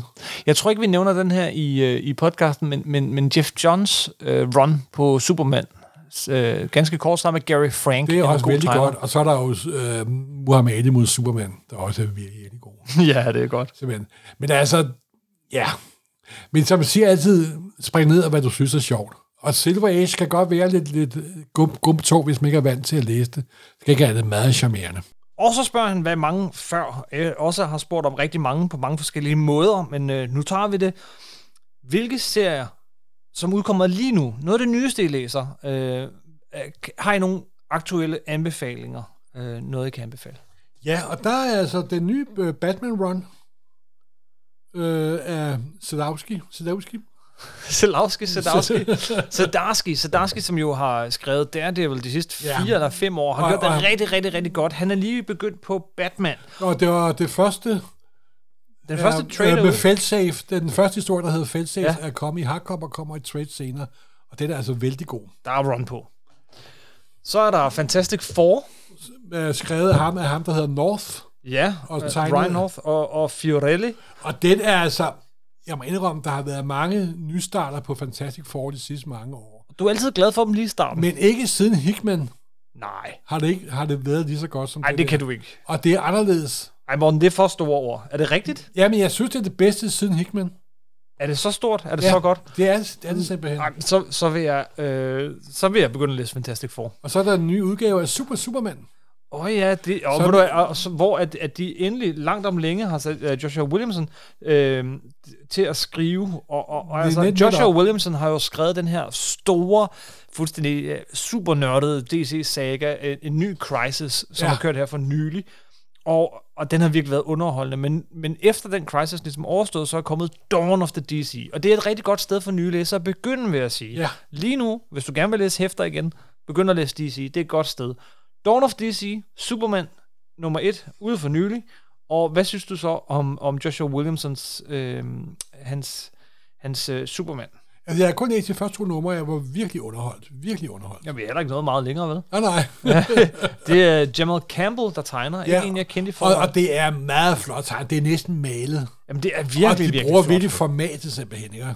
Ja, Og, og det er fuldstændig en ny læser, kan jeg starte her. og så, Altså, jeg, jeg var enormt glad for Bendis periode, men det var mange, der ikke var. ja, det Og, var jeg og de har totalt... Alt er væk fra Bendis. Ja. De har simpelthen startet på en fuldstændig frisk. alt ude. Alt så, ude. Skide godt sted at, at starte. Det der med, at han har afsløret sin hemmelige identitet fra verden, det er væk igen. Alright. Og øh, hvad har du ellers øh, med? Du har Spider-Man. Amazing ja. Spider-Man. Den kommer hver anden uge nu, og det er Seth, Seb Wells, Seth der skriver Wells, der den. skriver dem. Primært med John Romita Jr. på, Det- men også med mange andre. Og den er virkelig god. Den er virkelig, virkelig, virkelig, For at virkelig være sådan meget barnlig og basal, jeg har aldrig set Spider-Man få så mange tæsk. simpelthen. Altså, John Romita Jr. og Spider-Man, der er altså bare Jamen, de et eller andet. noget. Han var på Superman i mange år, da han var over hos, hos DC, og, og det fungerede sgu ikke. Jeg Nej, blandt andet var- med Bendis. Jeg, jeg synes ikke, det var specielt godt, men med ham og Spider-Man, der er bare noget med den figur, og så, så den måde, han tegner på. Det, det er fuldstændig rigtigt. Så John Johns, Jeff Johns Jeff, er, Jeff, Jeff Johns, er vendt tilbage til en serie, som, som vi begge to holder rigtig meget af, og det er, Justice Society of America. ja, altså ikke Justice League, men Justice Society of America, dem for The Golden Age. ja, Og der er kommet en serie, der kommer nu, der kører frem og tilbage i mange tidsperioder, frem og tilbage. 2. verdenskrig, nutid, Og fortid. den er virkelig god. Jeg har læst de første fire numre, og den er virkelig god simpelthen. Jeg er helt vild med den. Men det er også fordi, den er syltet ind i DC-kronologi. Og det er med tidsrejse og paradoxer og alt muligt. og der er altså ikke mange, der kan bedre end Jeff Johns. Nej, og det er, jeg er meget begejstret for den, det må, må jeg sige. Jeff Johns, og så tegnede i hvert fald de første numre af Michael Janin, som også lavede Ja. nogle af de allerbedste Batman-historier Men med Tom altså, King. vent med at købe den, til den kommer, til den kommer samlet. Og det gælder jo alt af Tom King. Og Tom King, der har du en lille øh, trio af tegneserier med her, kan jeg se. Du har selvfølgelig Human Target, den har vi snakket så Den meget er på om. vej. Den kommer sikkert i en samlet udgave på et tidspunkt, og den kan ikke anbefales nok. Jeg ved godt, at vi har gjort det før, men Men, men, men vi kan blive ved. øh, den er guld værd. Men en, der er endnu bedre end Human Target. Det, der kommer den, der hedder Dan- Danger Street, der vil være færdig. Den er vældig sjov, men det er sådan en lesser king. Okay, det er en læsserkæk. Men den, der er i mine øjne noget af det bedste King nogensinde har skrevet. Jeg ved godt, det lyder fuldstændig fantastisk, men jeg er fuldstændig bold over. Det er Gotham City Year One. Derfor det er noir med noir på. Det er så mørkt, så skummelt, så indet ondt og modbydeligt, og samtidig så super velskrevet.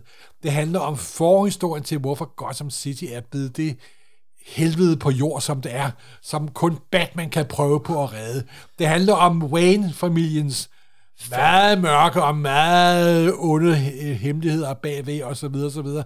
handler om Slam Bradley, oh. den første figur, der var med i Detective Comics nummer 1, skabt af Supermans ska- skabere, før de skabte Superman. Men det er fuldstændig fantastisk skrevet. Det handler om mange af de, skal vi sige, understrømme af dårligdom i det amerikanske samfund. Jeg kan næsten ikke holde ud, man. Jeg, jeg glæder mig. Jeg har ikke læst den, og du snakker hele tiden om Jeg den, ved- og den er og tegnet jeg af ved godt- Hester. Og jeg ved godt, at jeg også oversælger den. Ja, det gør du. Men som jeg skrev til Phil Hester selv på På Twitter. Ja, The best year one since the year one. Og han svarede dig. Han sagde, thank you. Så har du taget, øh, og det er en tegneserie med, der hedder Primordial. Ja, det er en af Jeff Lemires gamle ting. og Den er også kommet samlet. Ja, Og, næsten, og Jeff Lemire er jo en fantastisk tegner og forfatter. Mm. Han laver sine egne ting, hvor han tegner i en meget sådan lidt skitseagtig stil, som mange ikke bryder, sig om. Det er sikkert halvdelen af hans produktion. Og anden hans produktion, der laver han serier sammen med alle andre. Ja, og, og det er det sammen med Andrea Sorrentino, som er en spændende, Ja. ja. øh, meget sådan, øh, grafiker. Jeg er ikke helt vild med Andrea Sorrentino, når det kommer sådan til ansigt Nej, men og det er fordi, det handler om ting ved det tidlige rumprogram, nemlig. Ja, og det er, derfor, det er fedt. blevet- det, er jo, det er jo sådan noget, vi det holder meget af. Ja. Øhm, Så, så den kan, altså alt, hvad Jeff Lemire laver, kan varmt alle anbefales. det var et, et, spørgsmål, jeg kom til at springe over, tror jeg, undervejs, nemlig, øh, hvad er det bedste Jeff Lemire, vi kan anbefale?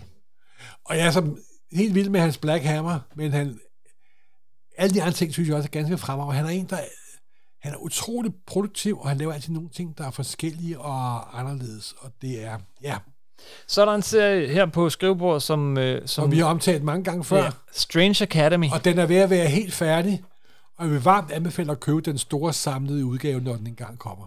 Det er en, en, en serie, som er, har kørt længere tid, end jeg havde regnet Ja. med. Men, men Der jeg har også været en, øh, en øh, pandemi indimellem. Ja.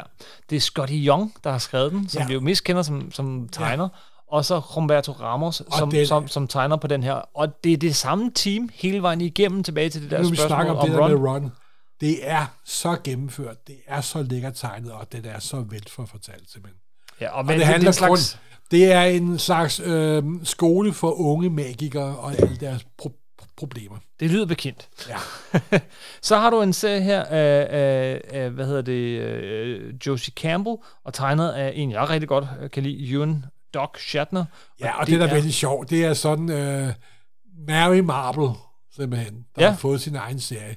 Det er da ikke verdens største serie, men jeg synes, den var så lækkert tegnet. Den er, jamen, han tegner godt. Jeg har ikke Og hvis den. du har set Fury of the Gods, og har lyst til at se noget godt fra Marvel-familien, så vil jeg anbefale den miniserie. Ja, godt. Cool.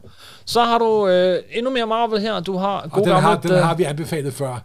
Det er de nye Defenders, der er kosmisk med kosmisk på.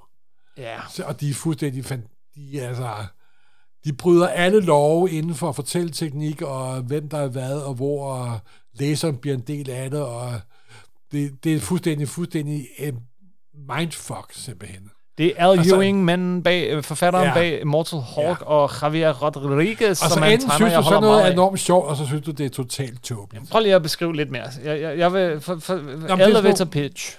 Ja, men altså, det handler om nogen, der rejser ned i andre lag af universet. For eksempel optræder Galactus' mor som en af hovedfigurerne.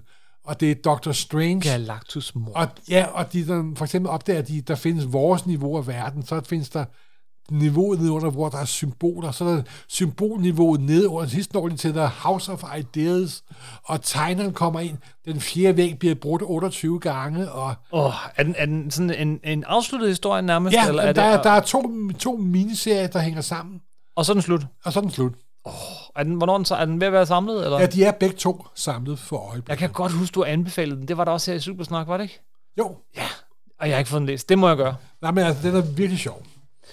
Til Og sidst... så er sådan en meget sjov, lidt underlig ting. Ja. Og det er igen en Superman-historie, og det er igen... Øh, Det er, øh, hvad hedder det, øh, Mike Allred, der, Ja. ja. der tegner. Det er Mark Russell, der skriver. Mark Russell er sådan en forfatter, som, som skriver nogle ret... Altså, han, skriver, han er virkelig morsom, men, men også mere end morsom. Altså, han har... Jamen, ved Der, du? Jamen, det er en genfortælling af hele Supermans karriere, og så er det alligevel ikke. mm, Og så er der Aldridge sådan meget te- tegninger, ja, det... og, ved, og det hedder Space Age, så er der også sådan lidt nostalgi over den, og så videre. Jeg synes, den har været vældig underholdt, men den er altså meget mærkelig. Det er ikke, det er ikke sådan en straight Superman-historie derudaf, men jeg synes, den var vældig god. Det må jeg sige. Den har jeg altså heller ikke læst. Nej.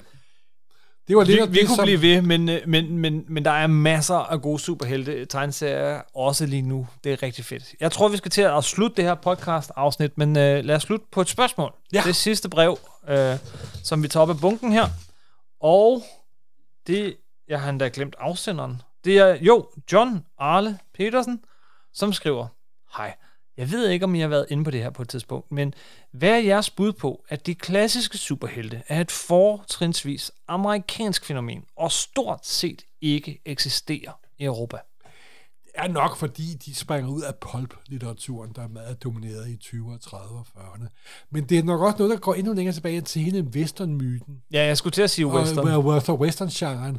Men jeg kan ikke komme med sådan en fuldstændig øhm, klar forklaring på det, men western-genren, de der dime novels, der kommer over i pulp, Shadow, Dog Savage, som vi har lavet afsnit om. Og lige for nylig. Og så kommer der den der, og det er måske dårligt at bruge, den lidt mere populære, meget forsimplede udgave af de der pulphelte i farvestrålende fire farver.